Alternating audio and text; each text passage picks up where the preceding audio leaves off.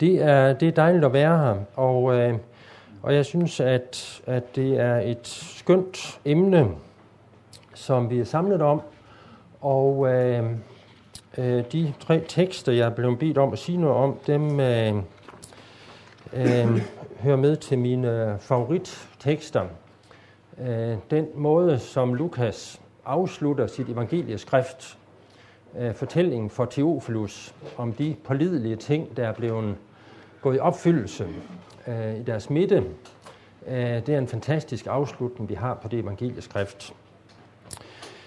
Øhm, vi skal læse teksten, Lukas kapitel 24, vers 1-12.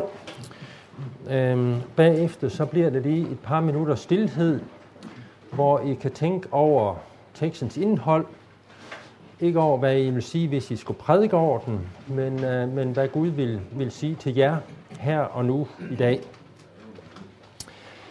Meget tidligt om morgenen, den første dag i ugen, kom kvinderne ved graven med de vellugtende salver, som de havde tilberedt.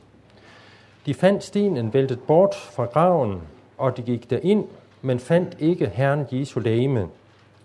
Mens de stod og ikke vidste, hvad de skulle tro, var der med et øh, foran dem to mænd i lysende klæder. Kvinderne blev forfærdede og bøjede sig med ansigtet mod jorden, og mændene sagde til dem, Hvorfor leder I efter den levende blandt de døde? Han er ikke her, han er opstået. Husk, hvordan han talte til jer, mens han endnu var i Galilea, og sagde, at menneskesønnen skulle overgives i syndige menneskers hænder, og korsfæstes og opstå på den tredje dag. Så huskede de hans ord. Og de vendte tilbage fra graven og fortalte alt dette til de elve og til alle de andre. Det var Maria Magdalene og Johanna og Maria Jakobs mor og de andre kvinder, som var sammen med dem. Da de sagde dette til apostlen, de sagde dette til apostlene, men det lød for dem som løs snak, og de troede ikke kvinderne. Dog rejste Peter sig og løb ud til graven, og han bøjede sig ind, og han så lindeklædet og ikke andet. Han gik så hjem, forundret over, hvad der var sket. Amen. Vi vil være stille i bøn og eftertanke.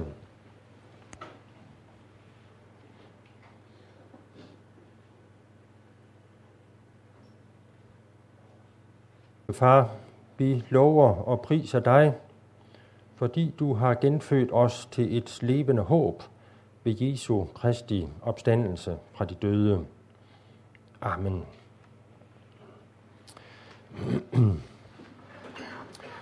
øhm.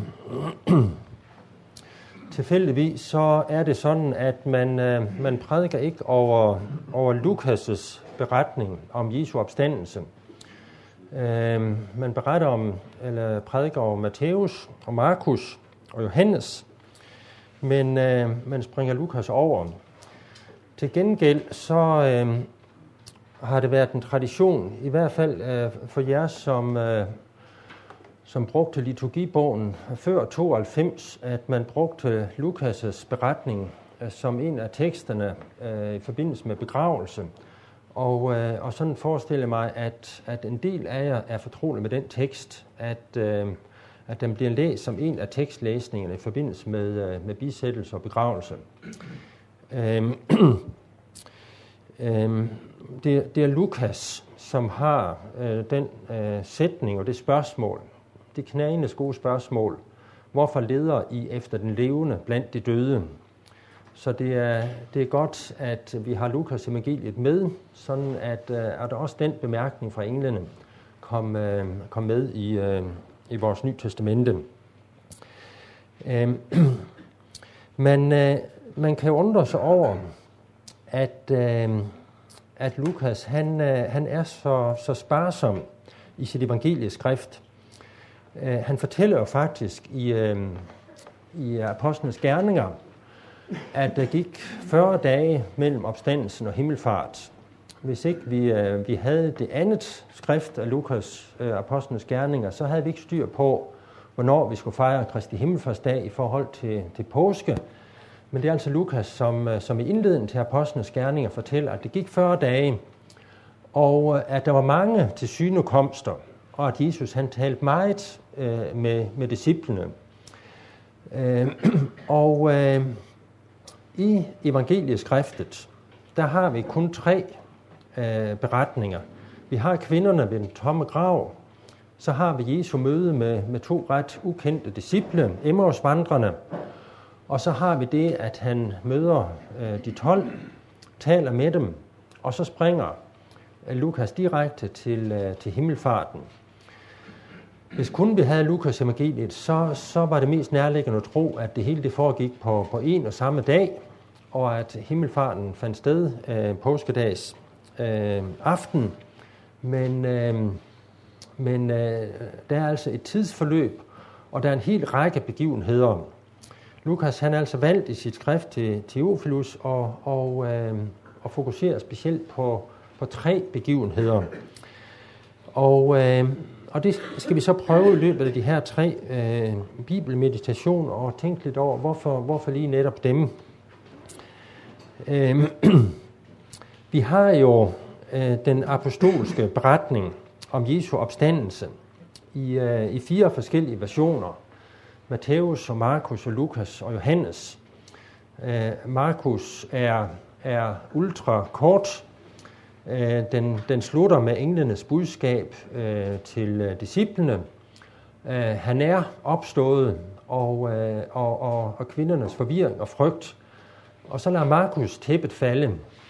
Øh, det kan man jo undre sig over, og, øh, og, og sandsynligvis så har så øh, er det jo forklaringen på, at, at vi får den tilføjelse til Markus evangeliet øh, øh, fra vers, vers 9 til, til øh, og, og så resten af evangeliet ud, hvor vi har sådan en opsummering af en af den samme opsummering, som, som øh, ligner den, vi har i Apostlenes Gerninger. Øh, Matthæus evangeliet har, har lidt andre ting, Øh, det er Matthæus, der, der beretter om øh, vagten, øh, at, at der sættes vagt ved Jesu grav, øh, om, øh, om englen, der kommer, vælter stenen fra, øh, vagterne, der, øh, der flygter. Øh, det ville vi ikke have, hvis, hvis ikke vi havde Matthæus evangeliet. Øh, Johannes evangeliet sætter specielt fokus på Maria Magdalene. Det er, det er, er, er hendes møde med den tomme grav, og, øh, og hendes personlige møde med den opstandende, som, øh, som den første, som, som Johannes specielt har, har sat fokus på. Hvis man, øh, hvis man lægger de fire beretninger ved siden af hinanden, så, så kan man øh, sådan få et, et, et samlet billede. Jeg har her nævnt øh, en, en række, række fælles træk. Øh, det med, at det skete meget tidligere om morgenen, øh, kvinderne, der går ud til graven. Det er mørkt, da de begynder deres vandring. Det begynder at lysne, da de kommer ud til graven. Øh, deres, deres fortvivlelse og disciplenes fortvivlelse. Øhm, øh, kvinderne som de første vidner til den tomme grav. Kvinderne som de første vidner til mødet med den opstandende. Øh, englene, der bevidner opstandelsen. Og, øh, og, og så den, den proces, den ringvirkning, det sætter i gang øh, kvinderne, der fortæller det til disciplene, disciplene, der ikke tror det, og, øh, og, og så den øh, langsomme overbevisningsproces, som øh, disciplene de skal, de skal igennem. Det, det er sådan hovedlinjen i de fire evangeliers beretninger om opstandelsen. Øh, hvis, man, øh, hvis man sådan forsøger at, at få det samlede billede, så skal vi øh, øh starte med Matthæus øh, Matthæus, som ikke for, fortæller om selve opstandelsen, men øh, fortæller om, om den mægtige engel, som kommer ned fra, fra himlen, vælter stenen fra øh, vagterne, der bliver som døde og som flygter. Og, øh, og så har vi beretningen om kvinderne, Øh, der går ud til graven, en gruppe kvinder, øh, Maria Magdalene, hun følger ikke helt øh, den samme rute og den samme gruppe som, som de andre. Og øh, kvinderne fortæller disciplene først om den tomme grav, og, øh, og, og, og de tænker, nu, nu, er det, nu er det fuldstændig slået klik for dem. Så har vi til synekomsterne for Maria Magdalene, for kvinderne, og, øh, og heller ikke det flytter noget hos øh, disciplene. De, de øh, øh kan ikke rumme det. Og, øh, og så har vi i dagens løb, hvordan at, at det vælter ind med beretninger om tilsynekomster, kvinderne, Peter, Emmausvandrene, og så, øh, og så påskedags aften, hvor at Jesus han, øh, han står ved øh, midt i blandt dem. Øh, desværre efter at, at Thomas er gået, øh, men, men der har vi så det, det første møde med Jesus og, og den større gruppe. Øh, man kan, øh, hvad skal man sige, man kan rekonstruere det her forløb på lidt forskellige måder. Øh, evangelisterne fortæller det så, så koncentreret, at det nogle gange kan være, være svært at, at helt finde ud af, hvad er egentlig den øh, kronologiske rækkefølge. Men, øh, men det, som jeg har gjort her, det er i hvert fald et, øh, en af de måder, man kan stille det op på.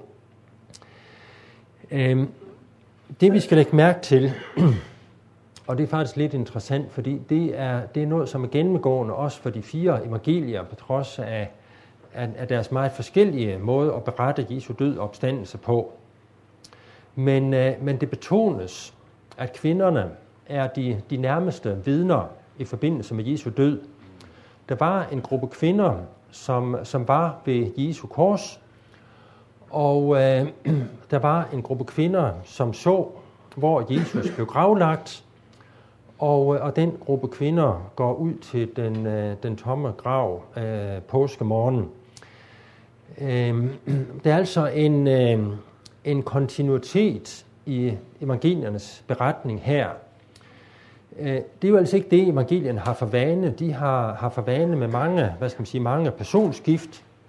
Men lige netop den her beretning om Jesu død, gravlæggelse og opstandelse – der er det altså den, den samme gruppering, som er af de nærmeste øjenvidner.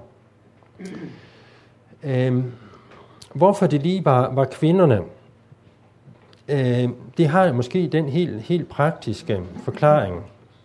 Øh, det kunne være dem, som var de mest modige. Det kan også være dem, der er den mindste trussel ved Jesu grav, at de får lov til at komme, komme ind for for øh, vagtmandskabets øh, værn øh, i forhold til, til dem, der skal korsfæstes, så fortæller øh, Johannes jo om, at, at han var også selv til stede ved, ved Jesu kors.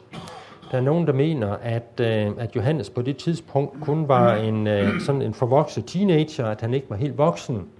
Og at, at det er grunden til, at, at han slap igennem der, men, men det ved vi ikke. Men, men Johannes fortæller i sit evangelieskrift, at, at han var også øjenvidne helt tæt på i forbindelse med Jesu død.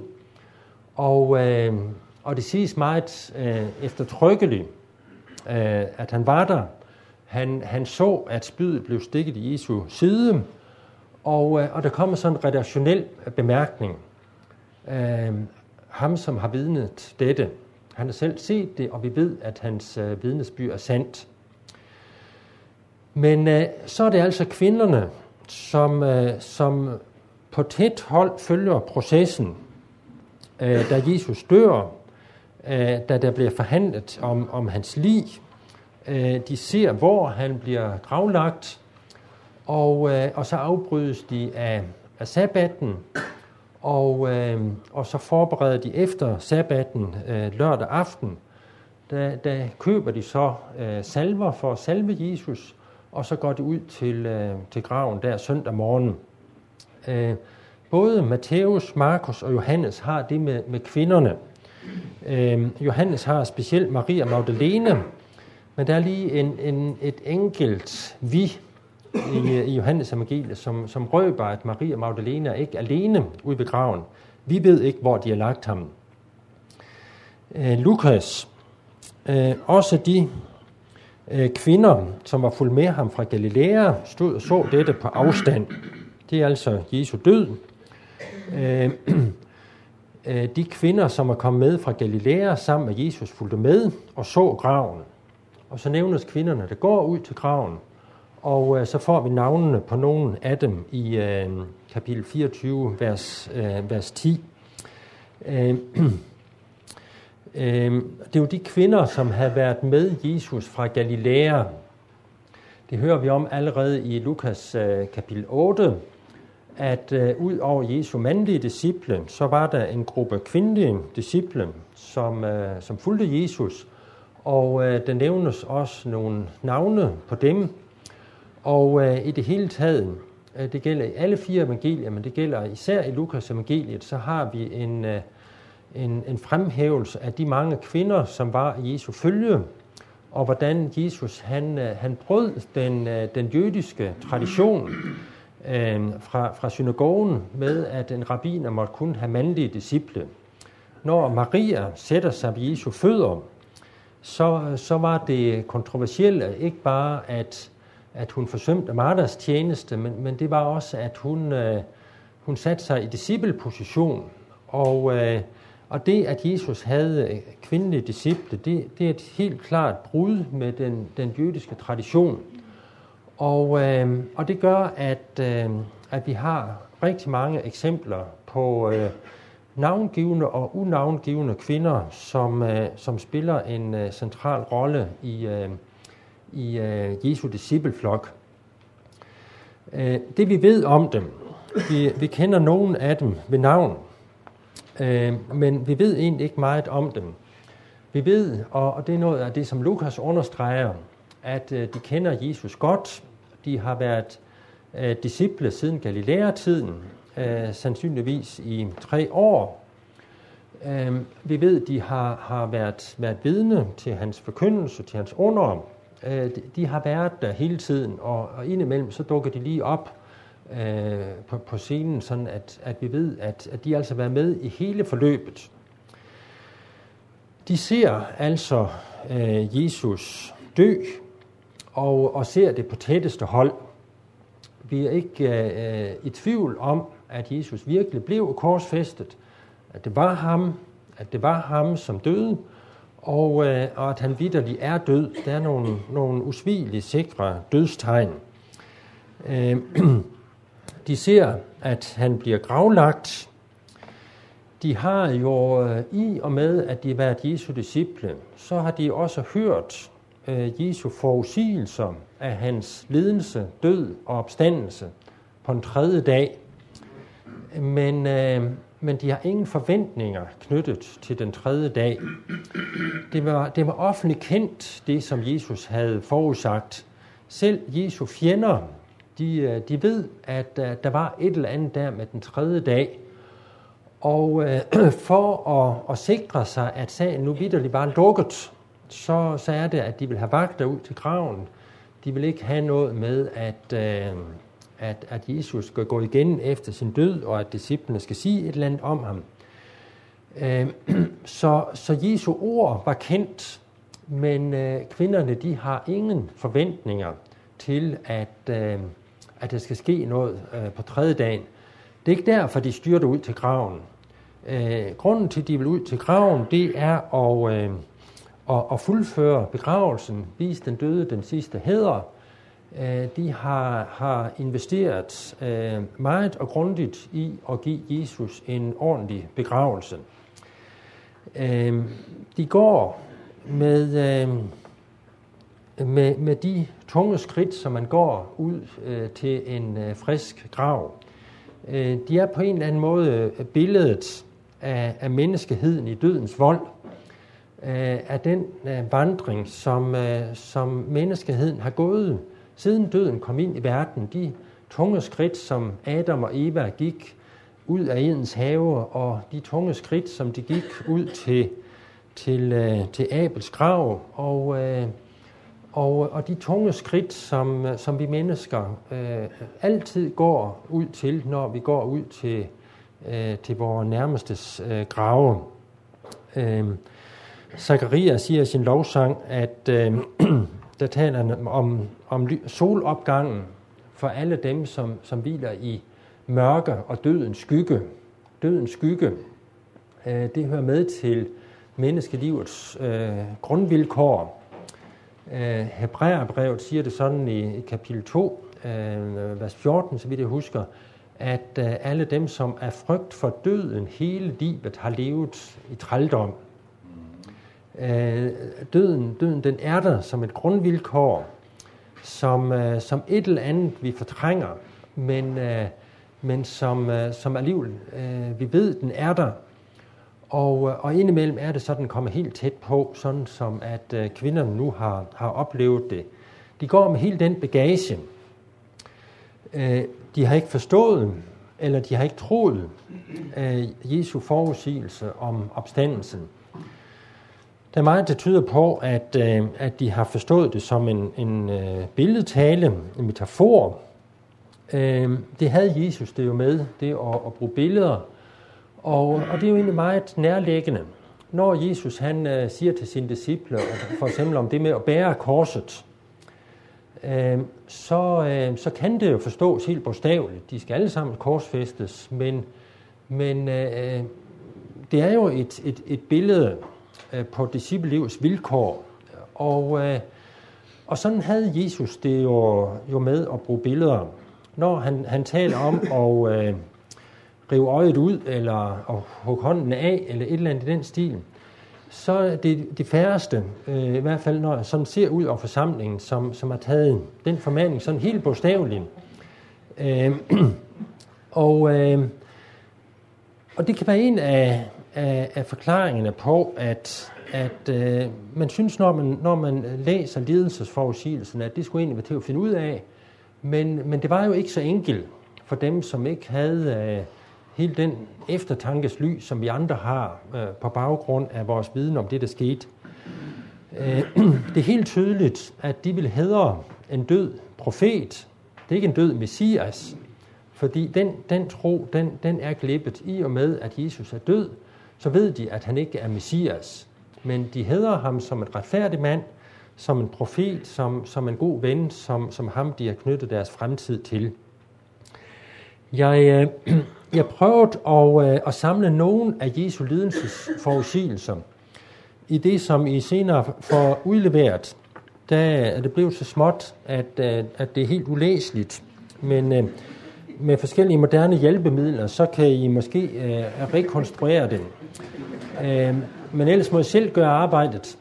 Men det er faktisk helt ufatteligt mange steder i Lukas evangeliet, at Jesus direkte eller indirekte øh, taler om sin lidelse, død og opstandelse. Øh, 9.22. Menneskesønnen skal lide meget og forkastes af de ældste og ypperste præsten og de skriftkloge og slås ihjel og opstå på den tredje dag. Han skal lide, han skal forkastes, og der, der nævnes øh, grupperingerne, der, der, der skal være aktive. Øhm, øh, senere kommer det med, at han skal overgives til hedningerne. Øhm, øh, øh, 944 menneskesøn skal overgives i menneskers hænder. 1831-34. Se, vi nu går nu op til Jerusalem, og alt det, der er skrevet ved profeterne om menneskesønnen, skal opfyldes. Han skal overgives til hedningerne. De skal håne ham, mishandle ham, spytte på ham, piske ham og slå ham ihjel. Og på den tredje dag skal han opstå. Fem meget præcise verber om, hvordan at det skal gå Jesus, når at han ved hjælp af de ledende jøder og ved, ved at blive overgivet til hedninger, skal, øh, skal forkastes, skal, skal lide, skal tortureres og, øh, og skal dø, og så til sidst opstå. Øh, det kommer gennem en, en hel række andre udsagn i uh, Jesu lignelser, i uh, Jesu samtaler. Uh, det kommer i nogle generelle udsagn. Uh, vi går nu op til Jerusalem, og uh, det er utænkeligt, at en uh, profet kan dræbes andre steder end i Jerusalem, uh, Lukas kapitel 13. Øh, vi har altså en, en hel masse øh, hentydninger også forud for påskeugen, til at Jesus han skal lide og dø og opstå. Øh, vi ved jo også lidt om, øh, hvordan, øh, hvordan disciplene de hørte det her. Øh, vi, kender, vi kender Peters reaktion første gang, at Jesus han øh, kastede sig over det her emne. Og, øh, og hvordan øh, Peter han forklarer Jesus, at det her, Jesus, det er altså en, en misforståelse. Øh, det, det kan simpelthen ikke passe. Øh, det var ikke ukendt for, for de jødiske disciple, at profeterne kunne lide og blive dræbt, og, og selve martyret, det, det var en del af en jødiske tradition. Men at Messias skulle dø, øh, og at han skulle dø en, en så forsmedelig død, det, øh, det lå uden for deres horisont. Øh, jeg tror, at de har hørt det, Jesus har sagt, som en meget dyster forudsigelse. Men at, at de har tænkt, det er en eller anden form for billedtale om de ufattelige trængsler, Messias skal igennem, inden at han til slut vinder sejr. Øh, tanken om, at hans lidelse og død kunne, kunne være helt bogstaveligt, øh, den, den kunne de simpelthen ikke rumme. Der i, i Lukas 18, de, de forstod ikke, øh, hvad det var, han sagde.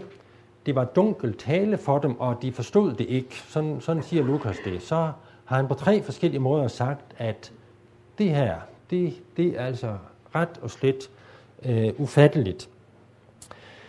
Øhm, så altså, kvinderne, de har altså Jesu lærer, Jesu under, og så har de forløbet i påskeugen, lidelsen og døden øh, i bagagen.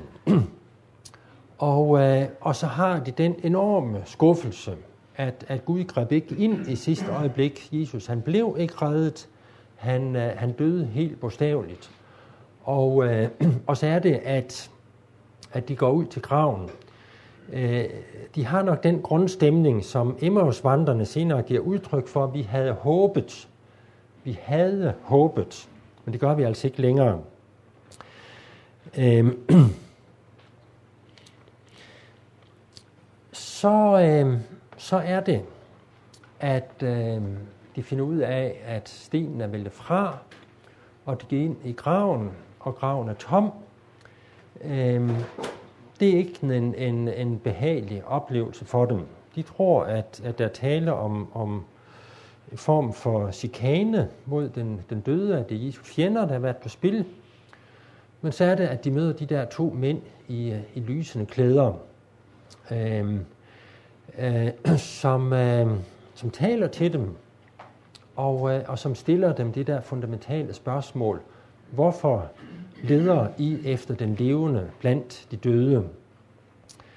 Husk, hvordan han talte til jer i Galilea, at han skulle opstå, øh, at menneskesynden skulle opstå, at han skulle overgives i syndige menneskers hænder, og at han skulle korsfæstes og opstå på en tredje dag.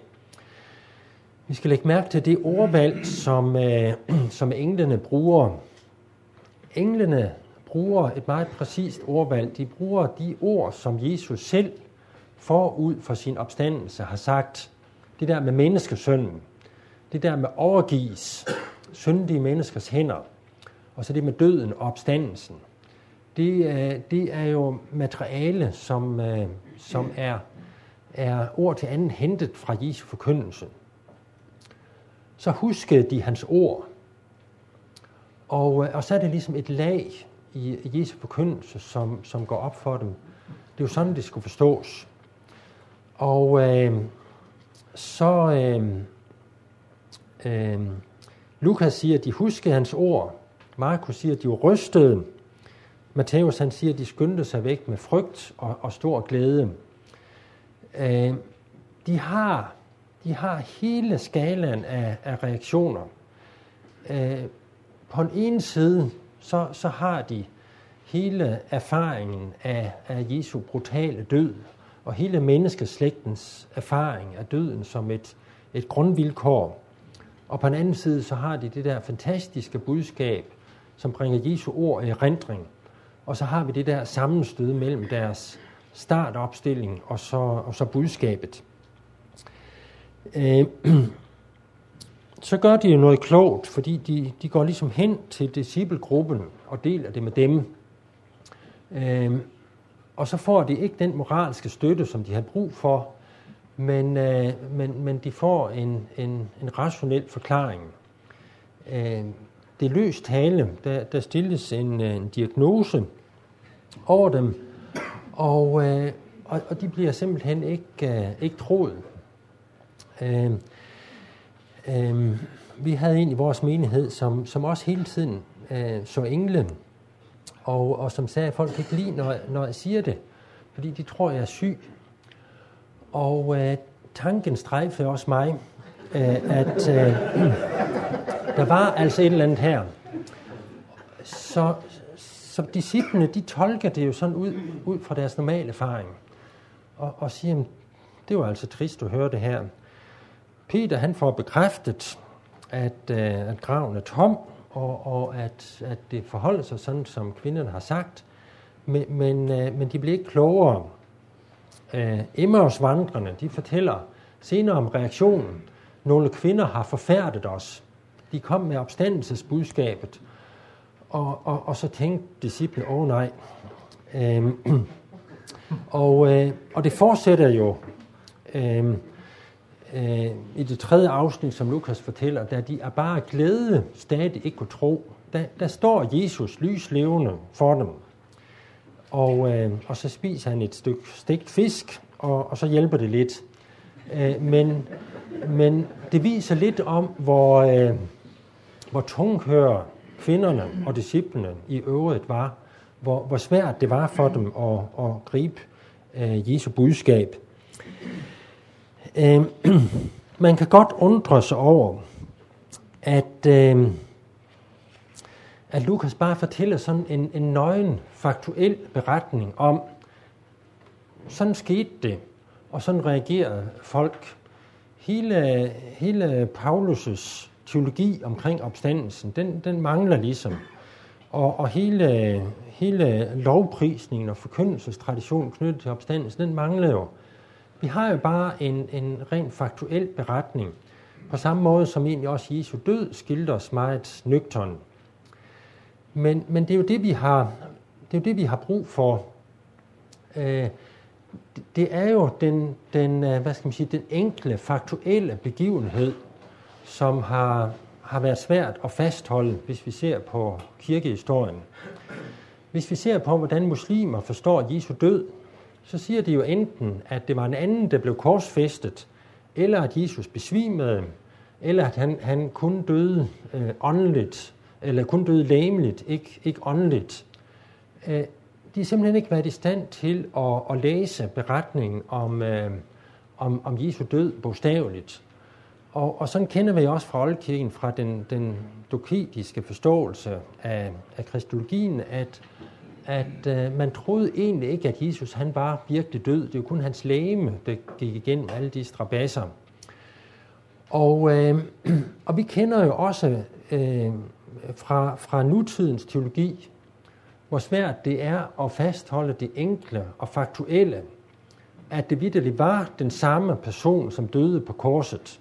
Sådan som englen siger ifølge Markus evangeliet, den korsfæstede, han er ikke her altså at den historiske Jesus, opstandelses Christ, øh, Kristus, at, at det er den samme. Men det er jo slået fast med syv tommer søm.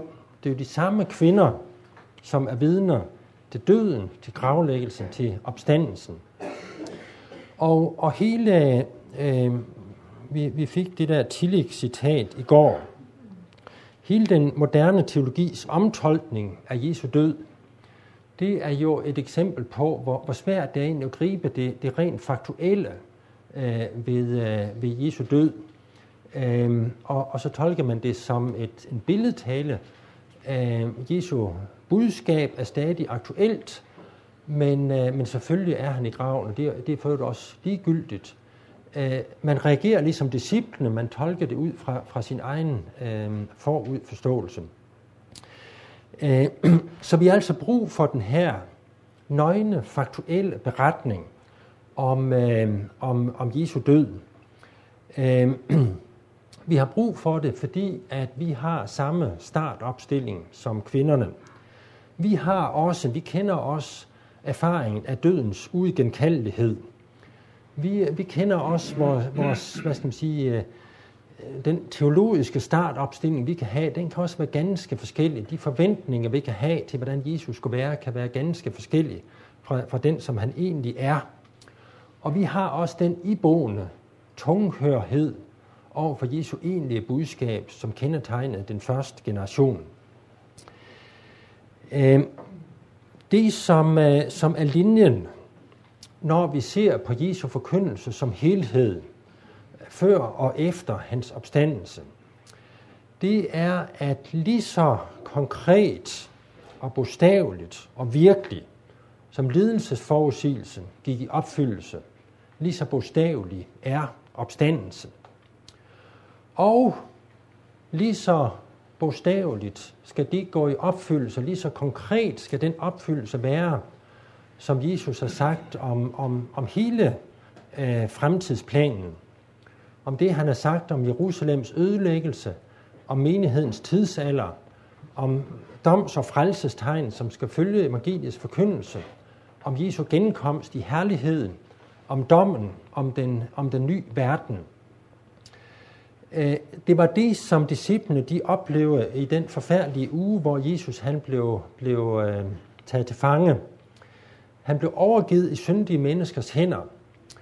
Øh, jo tættere vi kommer på påsken, jo mere præcis og jo mere detaljeret var Jesu forudsigelser. Jo mere viste han, at han havde kontrol over fremtiden. Han forudsagde, hvor de skulle fejre nadver, hvor æsel var at finde. Han forudsagde et hanegal eller to.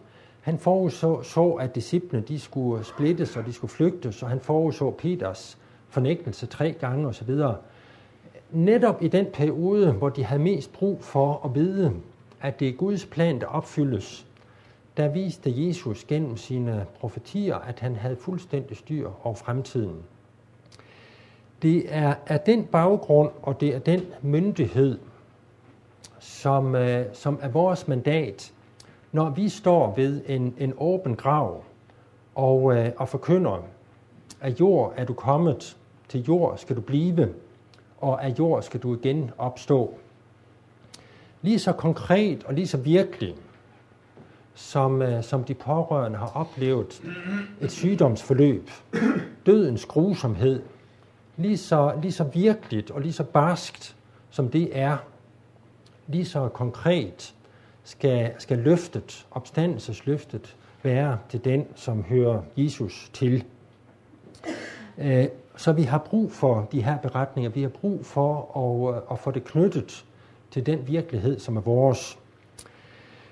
Øhm, det, som vi skal lægge mærke til, det er, at, at der er en stor rummelighed, og det er som min afsluttende bemærkning. En, en stor rummelighed øh, i, øh, i Lukas' beretning øh, for, for den langsomhed og den tunghørhed, som var hos disciplene, og som også er hos os. Der gives rum til frygt, til undren, til skepsis, til vantro, Øh, men, men Jesus ønsker ikke, at de skal blive i det. Han ønsker, at de skal nå vidshed og glæde og tilbedelse. Og det skal vi så se mere om i morgen. Jeg har bedt Henrik om at slutte med en bøn. Han skal lige have en mikrofon. Øh,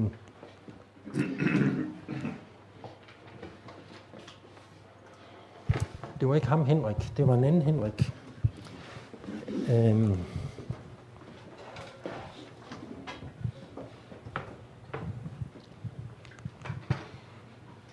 Ja.